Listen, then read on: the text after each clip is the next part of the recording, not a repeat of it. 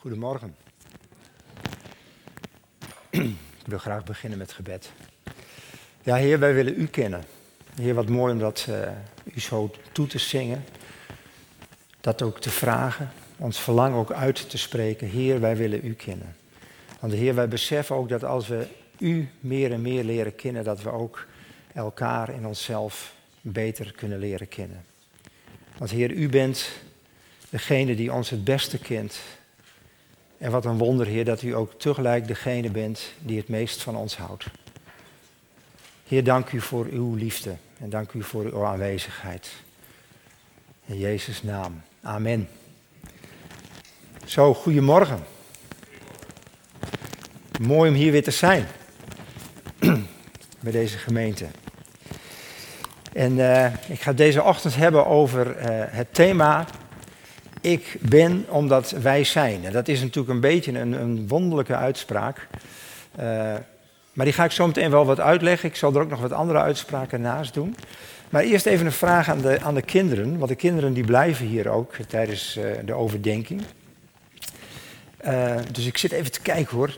Kijk, in ieder, ieder volwassen mens zit ook nog een klein jongetje en meisje. Dus mochten de kinderen niet reageren, dan vraag ik de andere kinderen om te reageren.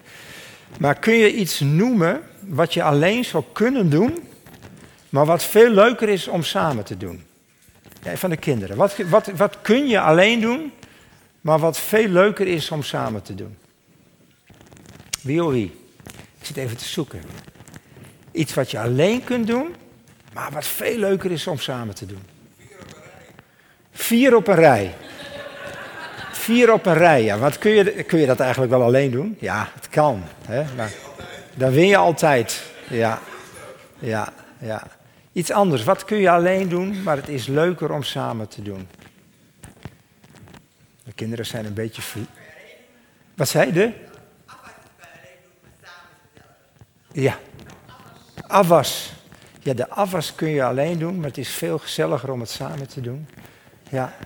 Ja muziek maken, nou, dat, dat blijkt ook, hè, muziek maken, zingen. Hè, want jullie kennen wellicht ook, en misschien de kinderen ook wel, van als je alleen een liedje moet zingen, dan is het soms best moeilijk. Want dan denk je, oh, ken ik de tekst nog wel goed? Maar als je daar samen zingt, nou, dan kun je af en toe wel eens een woordje missen. Maar dat wordt door de rest dan wel opgevangen. En dan, dan beweeg je gewoon wat met je mond mee. En dan lijkt het net alsof je de tekst kent. Ja. Nou, dansen. Hè, je kunt in je eentje dansen. Maar het is veel leuker om samen te dansen. Uh, geloven. Geloven in God. Dat kun je alleen. Dat doe je ook heel vaak alleen. Bidden. Dat is natuurlijk veel mooier en veel krachtiger als je dat met elkaar doet. Nou, het thema binnen deze gemeente is ook samen zijn, het jaarthema. En uh, daar ga ik het ook uh, over hebben tijdens deze, deze overdenking, deze preek. En we gaan eigenlijk nadenken over hey, wie, wie ben je? dat filmpje ging ook, over identiteit. Wie ben je? En wie bepaalt dat eigenlijk? wie heeft daar invloed op? En ik wil dat eigenlijk aan de hand van een aantal uitspraken doen. En ik begin dus met die eerste uitspraak. Ik ben. Ik zit even te kijken. Oh ja, hij staat er al. Prachtig. Ik ben omdat wij zijn. Nou, dat komt eigenlijk uit een Afrikaanse levensvisie. Ubuntu klinkt heel eng, is niet zo, is niet eng, het is gewoon Afrikaans. Ubuntu, en dat is eigenlijk een, een, een filosofie die zegt van, ja, gemeenschappelijkheid, samen, ik ben, omdat wij zijn. Hè, dus dat je eigenlijk altijd ja, afhankelijk bent van elkaar.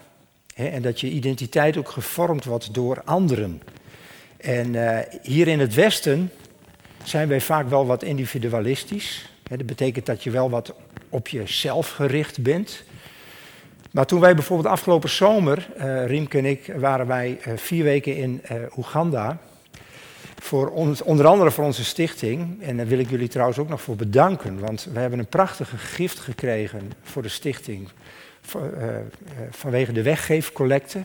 Dus heel erg bedankt. Het was heel bemoedigend. Wij waren ook ter plekke toen we daar een berichtje over ontvingen. Dus dat was heel fijn om te merken dat ja, dat hier ook de gemeente met ons meeleeft.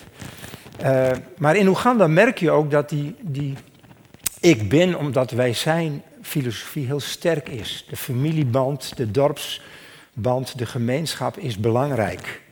Uh, en misschien wel belangrijker dan wij hier soms vinden. Uh, maar ook in de hulpverlening, ik, ik leid hulpverleners op, heb ik misschien al eens eerder verteld.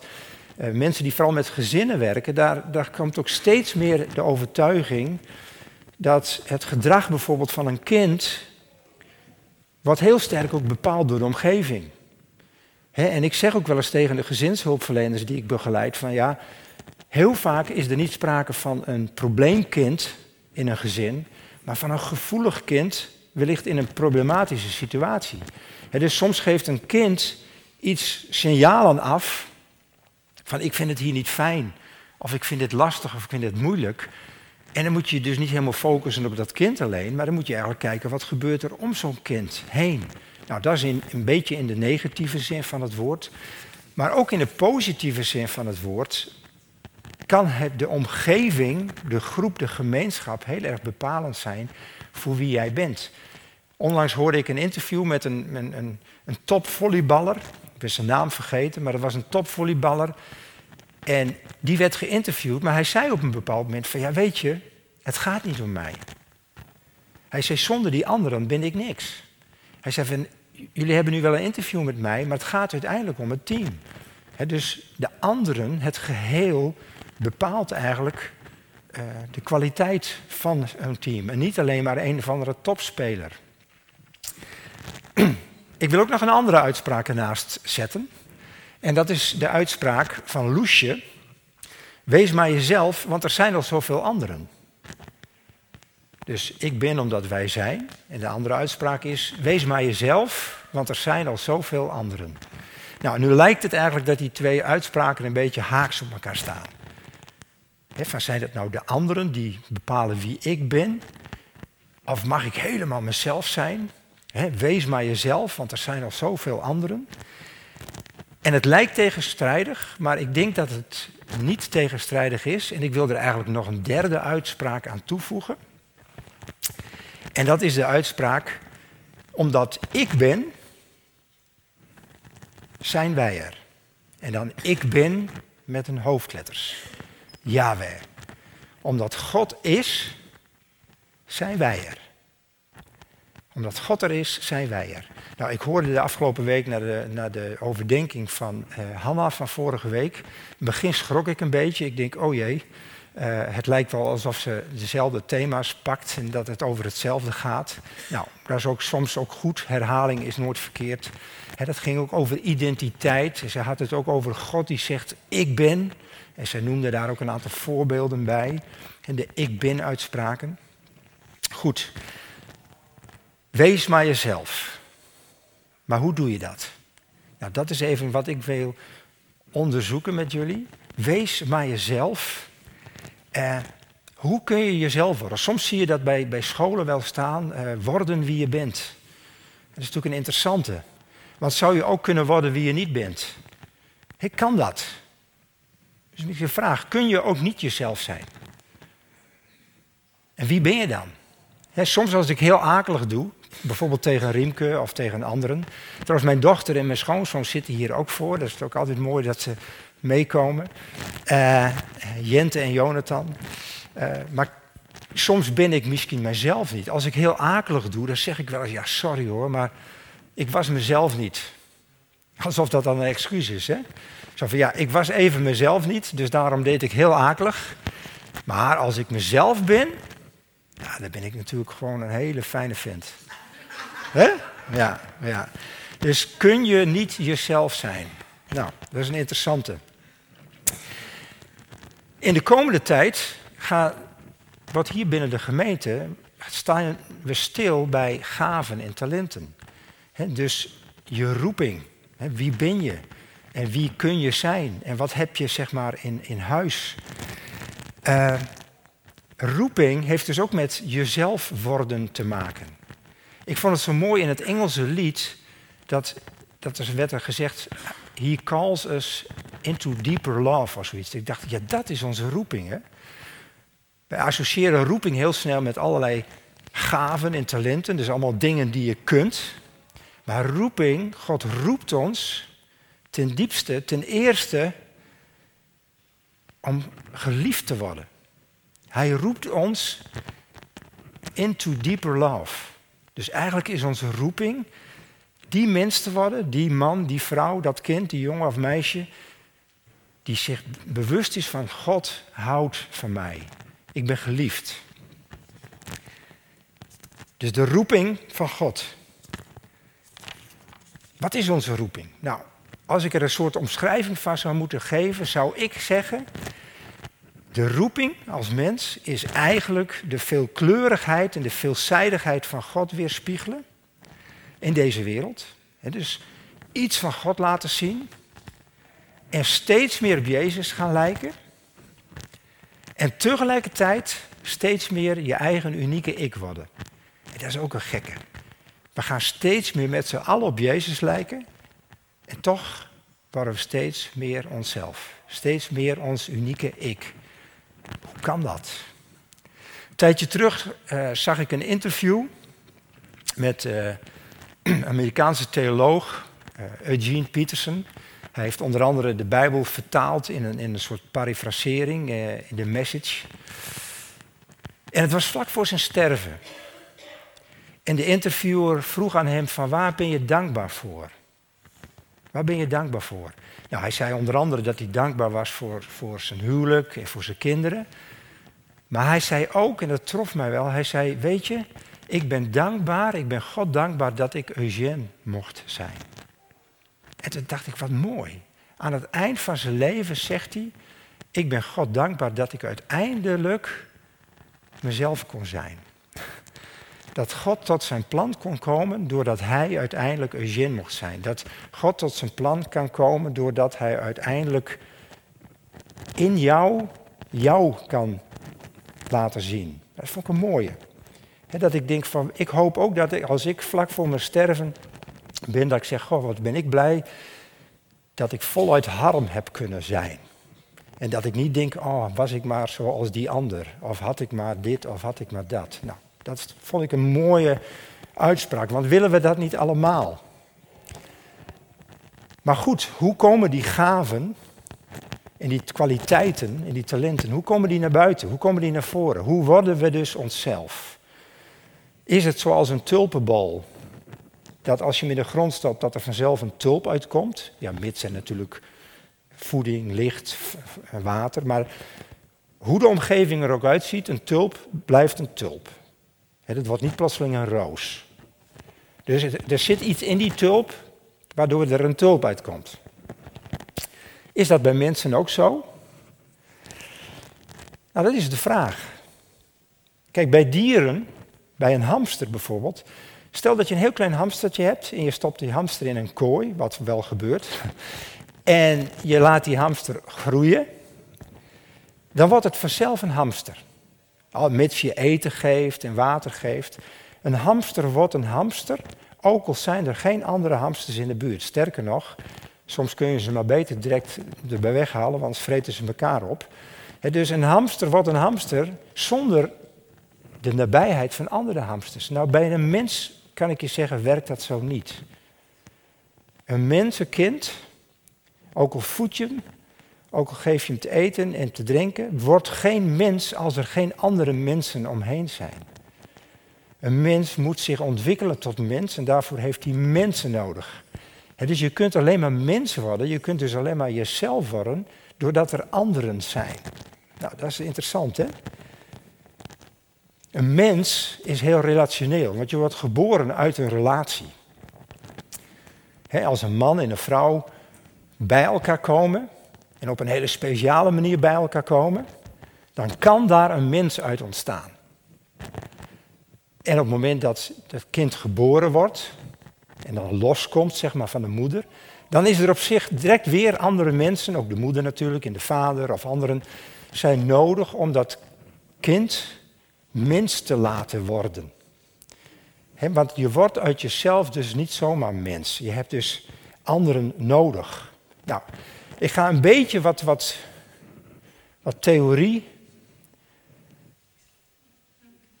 Oh, er is iets met de microfoon. Mijn dochter gaat mij helpen, dat is mooi. Oh ja, ik zou zeggen dat ik zou wat. Ik, eh, excuseer me als ik er wat psychologische termen in gooi, maar dat, dat is ook een beetje dan mijn achtergrond. Maar als je mens, hè, als je mens wil worden, dan eh, zijn er eigenlijk twee behoeften in een mens. Nou, de ene is autonomie. Betekent eigenlijk gewoon ik ben ik. Ik sta op mezelf. Ik ben niet jij, maar ik ben ik. Er is op zich niks mis mee. En de andere is verbondenheid. Samen zijn wij wij. En beide heeft de mens nodig. Beide heb je behoefte aan. Je hebt behoefte aan autonomie en je hebt behoefte aan verbondenheid. Een baby heeft enorm veel behoefte aan verbondenheid. die verbondenheid is, is optimaal als die in de buik van de moeder zit. Maar ook bijvoorbeeld, ik zie daar een babytje. Ook dat op dit moment, zo'n babytje heeft ook nog steeds behoefte aan verbondenheid, want daar, leeft ze van. dit is een meisje zo te zien, ja, daar leeft ze van. Maar op een bepaald moment, bijvoorbeeld als je puber bent, dan heb je veel meer behoefte aan autonomie. He, dan zet je je af en dat is ook goed. ik heb wel eens een gezin begeleid en dat de ouders dan zich een beetje verzuchten dat hun pubers zo opstandig zijn. Dan zeg ik, nou gefeliciteerd, dat is goed. Dat is hun opdracht ook. Pubers moeten opstandig zijn. Want ze zijn bezig met hun autonomie. Ik ben anders dan jij. Dat is gezond. Niet altijd leuk, maar wel gezond. Ja, ja. Dus Autonomie en verbondenheid. En autonomie krijg je niet door je dus los te breken van anderen, los te scheuren en te zeggen ik wil niks meer met jou te maken hebben. Maar autonomie betekent wel van hé, hey, ik ben anders dan jij. Ik ben uniek en jij bent uniek. Dus dat is autonomie. En eigenlijk zou je dus ook kunnen zeggen dat, uh, dat toen Adam, dat Adam werd eigenlijk pas echt autonoom op het moment dat Eva er kwam zeg maar voordat Eva er was, was hij eigenlijk niet autonoom. Want ja, hij was alleen. Maar pas op het moment dat Eva er komt, werd hij autonoom en kon hij zich ook weer verbinden. En als er dan toch een van de beiden het sterkste is, dan denk ik dat verbondenheid misschien toch sterker is. Want ik denk dat God een God is van verbondenheid. God is een God van verbinding. God is een God van relatie. En hij legt ook ons verlangen naar verbondenheid legt hij in ons hart. En van hij legt eigenlijk het verlangen in ons, zodat we eigenlijk ook weer naar hem verlangen. En ten diepste naar hem verlangen. Goed. Nou, ik ga nog even twee andere termen erin gooien. Naast autonomie en verbondenheid gooi ik ook nog de termen, excuses, zelfvalidatie en zelfafbakening. Nou, ik ga ze even uitleggen. Uh, zelfvalidatie betekent eigenlijk van dat je zegt van, uh, ik ben van waarde. Valideren betekent eigenlijk iets dat, dat iets van waarde is. He, dat je dus eigenlijk zegt van, ja, ik ben goed genoeg. God houdt van mij. En zelfvalidatie, dat komt, dat ontstaat omdat je dat heel vaak ervaren hebt. Of er ontstaat een gebrek als je dat niet heel vaak ervaren hebt. Als je ouders tegen je zeggen, we houden van je. We hebben je lief. Je bent kostbaar, je bent waardevol. En als je dat heel vaak hoort, en niet af en toe eens mondjesmaat, en niet omdat je iets gepresteerd hebt, maar gewoon puur om wie je bent, dan ontstaat er zoiets van zelfwaarde, zelfwaardering. En dat is geen eigen wijsheid en dat is geen egoïsme, maar dat is een gezonde zelfwaardering. Toen Jezus gedoopt werd, Johannes de Doper in de Jordaan, toen klonk daar een stem uit de hemel van dit is mijn geliefde zoon en in hem vind ik vreugde. Nou, dat was eigenlijk de, de grote bevestiging van God uit, van God de Vader richting Jezus. En zo hoop ik ook dat, dat wij als mensen ook van onze ouders of van anderen die stem ook horen. En uiteindelijk ook van God. Maar goed, we, we, we moeten het eigenlijk eerst van elkaar horen. En ik denk dat Jezus, toen hij dat hoorde, jij bent mijn geliefde zoon en jou vind ik vreugde, dat dat ook zijn zelfwaardering geholpen heeft. Dat hij ook denkt van ja, ik ben waardevol. En het mooie is dat God dat uitsprak niet nadat Jezus allerlei hele bijzondere dingen al gedaan had, maar aan het begin van zijn bediening. En voordat hij de woestijn in ging en verzocht werd, voordat hij als het ware nou, rond ging trekken en wonderen deed, dit was het startsein. En de bevestiging, jij bent waardevol. Ik ben hartstikke blij met jou. Ik vind vreugde in jou. Zelfvalidatie. Dus eigenlijk een soort keurmerk, zou je kunnen zeggen. Die zegt van, hé, hey, wij zijn goed. En dat helpt je ook om jezelf te kunnen zijn in relatie tot anderen. En dan kom je eigenlijk bij dat, ja, bij dat stukje zelfafbakening. Dat je zegt van, weet je, ik ben ik en jij bent jij. En jij bent anders dan mij en dat is goed. Dat is mooi. eigenlijk zou je kunnen zeggen, ook binnen de gemeente is het mooi om jezelf te kunnen geven. dus geef wat van jou is. En probeer te ontvangen wat van de ander is. Wat dus ook anders is. en dat stimuleert ook de diversiteit. Als je alleen maar dat geeft waarvan je denkt dat de ander het wil zien, en je wil alleen maar dat ontvangen wat je ook bij jezelf herkent, ja, dan, dan is het eigenlijk een soort, dan wordt het een soort eenheidsworst. dus het is juist zo mooi om uniek te zijn. Maar goed, en ik denk dat Jezus behoorlijk goed zichzelf kon valideren en kon afbakenen. En dat is ook fijn hoor. Mensen die zichzelf goed kunnen afbakenen zijn fijn. Niet altijd ja, misschien soms ook wel eens wat confronterend, hè, omdat ze heel duidelijk grenzen aangeven. Maar het is wel goed. Hè, grenzen zijn op zich niet verkeerd. Goed, niet iedereen lukt het eigenlijk om die zelfafbakening en die zelfvalidatie goed te krijgen. We zongen zo pas het lied Good Good Father. En uh, Afgelopen twee weken, afgelopen weken waren uh, onder andere Riemke en ik, maar de week daarvoor was ik alleen met de vierde musketier mee. Ik ben, ben actief bij die organisatie. En twee weken geleden was ik in Zwitserland met een groep 40-plus mannen. Dus mannen die nadenken over de tweede levenshelft. En op een bepaald moment kwam het thema vaderliefde en vaderwond naar voren. En ik vroeg aan de mannen van, ja, wie kent dat dat gevoel van, hé, hey, ik ben niet goed genoeg. Ik ben niet voldoende bevestigd door mijn vader. En niet zozeer omdat het zo'n onaardige man was, maar gewoon omdat hij te druk had of omdat hij er niet was. In mijn geval is mijn vader heel jong overleden. En bijna 80% van de aanwezige mannen zeiden uiteindelijk ja. Ik herken die leegte.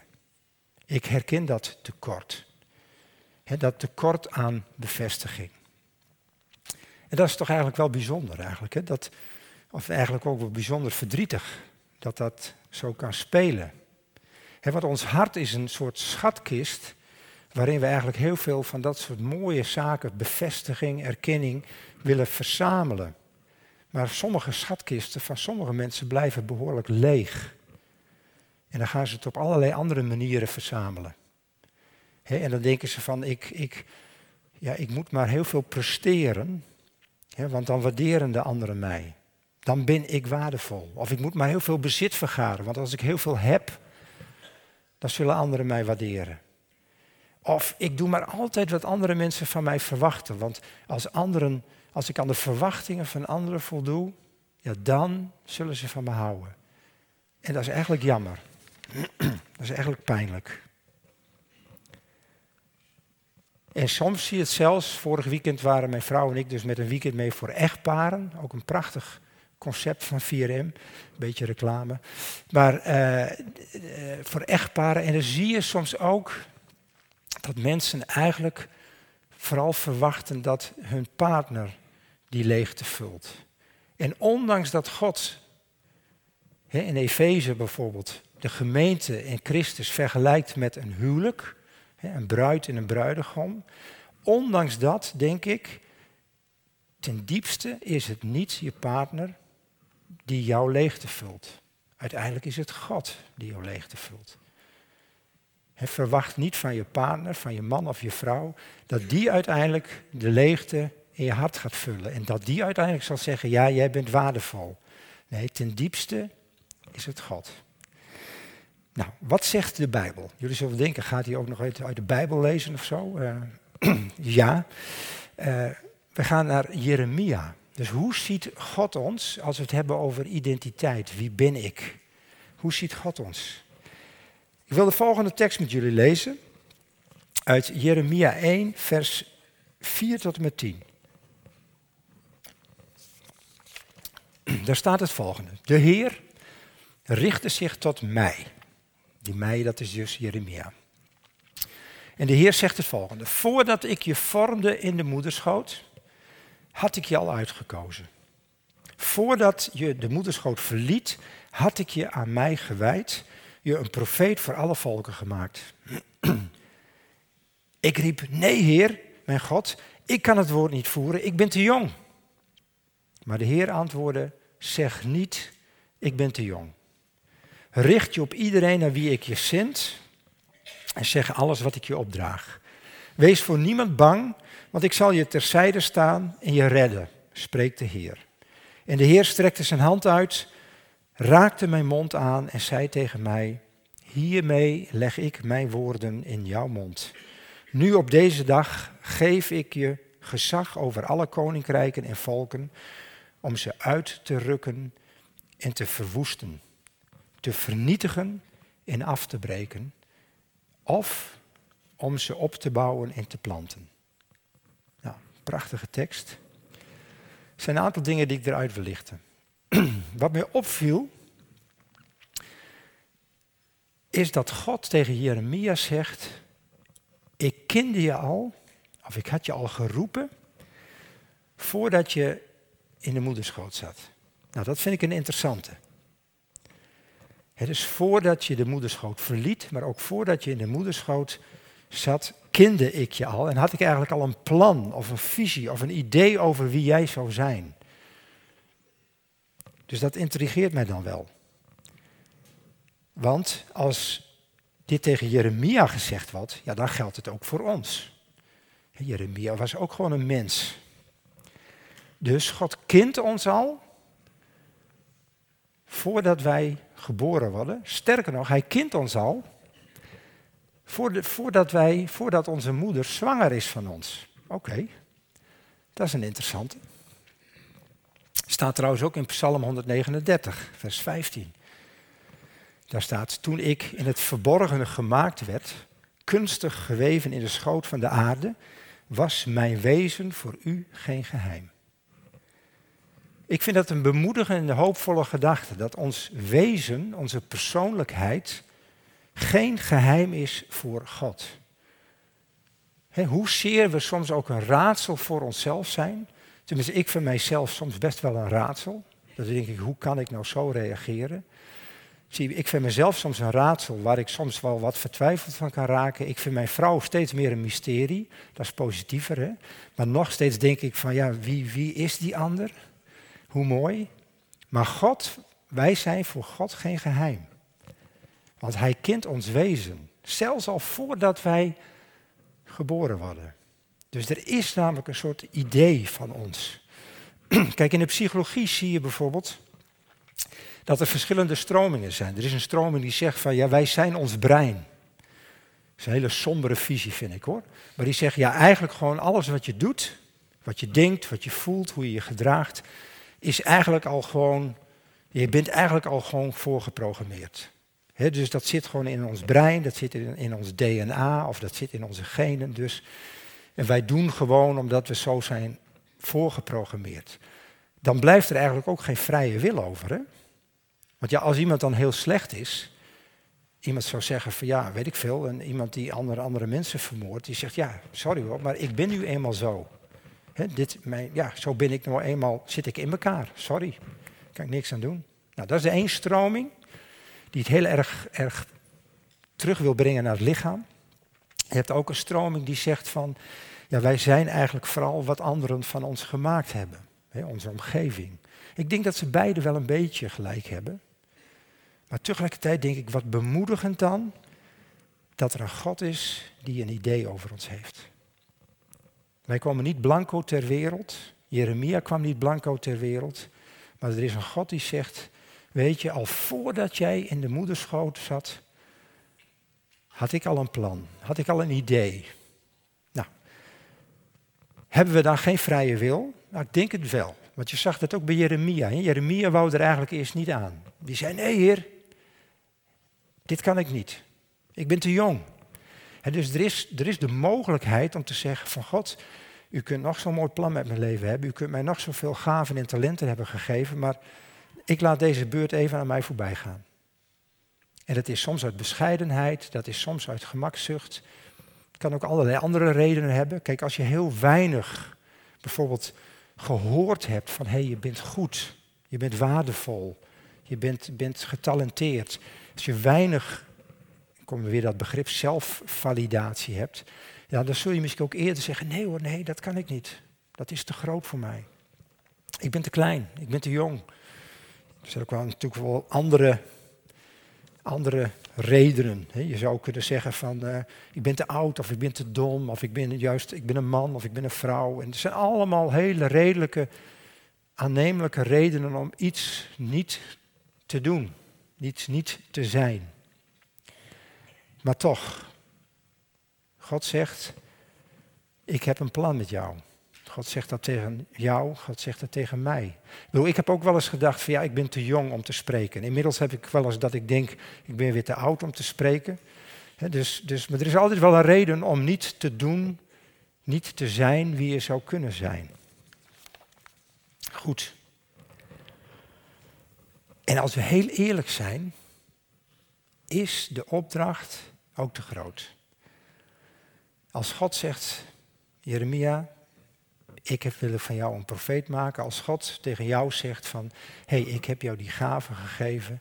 Ik wil jou inzetten in mijn koninkrijk, in mijn gemeente. Als je er goed over nadenkt, dan denk je ook, ja, maar Heer, dat is toch veel te grote opdracht. Dat kan ik toch niet?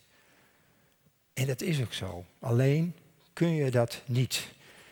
Zie je, Jeremia die zegt eigenlijk eerst ook van, ja, weet je, laat, deze, ja, laat dit maar even aan mij voorbij gaan. Maar God accepteert dat niet. God laat zich niet van de wijs brengen door Jeremia's protest. Hij weet wat Jeremia in huis heeft. En hij weet hoe hij Jeremia gaat helpen. En hij weet dat hij hem gaat redden. Dat zegt hij ook. En God zegt dan ook: zeg niet, ik ben te jong. En richt je tot iedereen naar wie ik je zend. En zeg alles wat ik je opdraag. En wees voor niemand bang. Want ik zal je terzijde staan en je redden. En ik stel me zo voor dat Jeremia misschien eerst een beetje zo stond van ja, heer, nee, ik ben te jong, ik kan dit niet. En dat hij misschien wat naar de grond keek. En wat je ook wel eens hebt als je op school zit of zat. En dat je dacht van ja, die, die meester of die juf die gaat mij een beurt geven. Dus ik ga maar een beetje wegkijken. Moet je niet doen, want dan gaan ze je juist uitnodigen om een antwoord te geven. Maar ik kan me voorstellen dat Jeremia misschien wel wat gebukt stond. En dat God hem bij de schouders pakt. En dat hij zegt, rechtop mens, rechtop, sta rechtop. Want ik heb een plan met jouw leven. En dat is niet dat je een onmogelijke opgave krijgt, misschien wel een grote opgave, maar ik zal naast je staan. Ik zal je helpen. Ik zal je redden. En wat zo mooi is, hij zet hem als het ware stevig op zijn voeten en hij legt zijn hand op zijn mond. Alsof je hem liefdevol het zwijgen oplegt. Hij zegt nu geen tegenspraak, geen negatieve zelfpraat van dat kan ik niet en dat durf ik niet en dat ben ik niet geschikt voor. Nee. Hij legt de hand op zijn mond en hij zegt van ik leg mijn woorden in jouw mond. En dan lezen we ook hoe krachtig dat kan zijn. Als God door jou heen gaat werken. Want er staat iets over afbreken, eh, vernietigen. Maar er staat gelukkig ook iets over planten en over opbouwen. Gods woord, het woord is krachtig. Jeremia had een unieke roeping, maar jij hebt ook een unieke roeping. Een bijzonder talent. Nou, daar gaan we in de komende maanden dus mee bezig. Welke talenten heb jij? Zodat een ieder eigenlijk steeds mooier kan worden en steeds meer, als het ware, kan ontdekken. En daar heb je dus elkaar als gemeente ook nodig.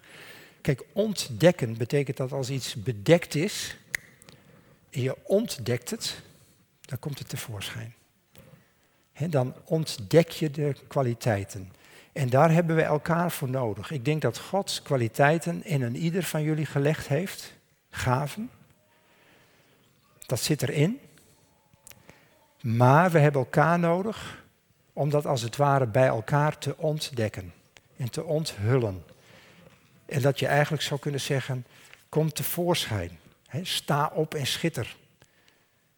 Dat is geen eigen wijsheid. Nee, dat is mooi. Dat is zelfbewustheid. Sta op en schitter met je talenten, met je gaven.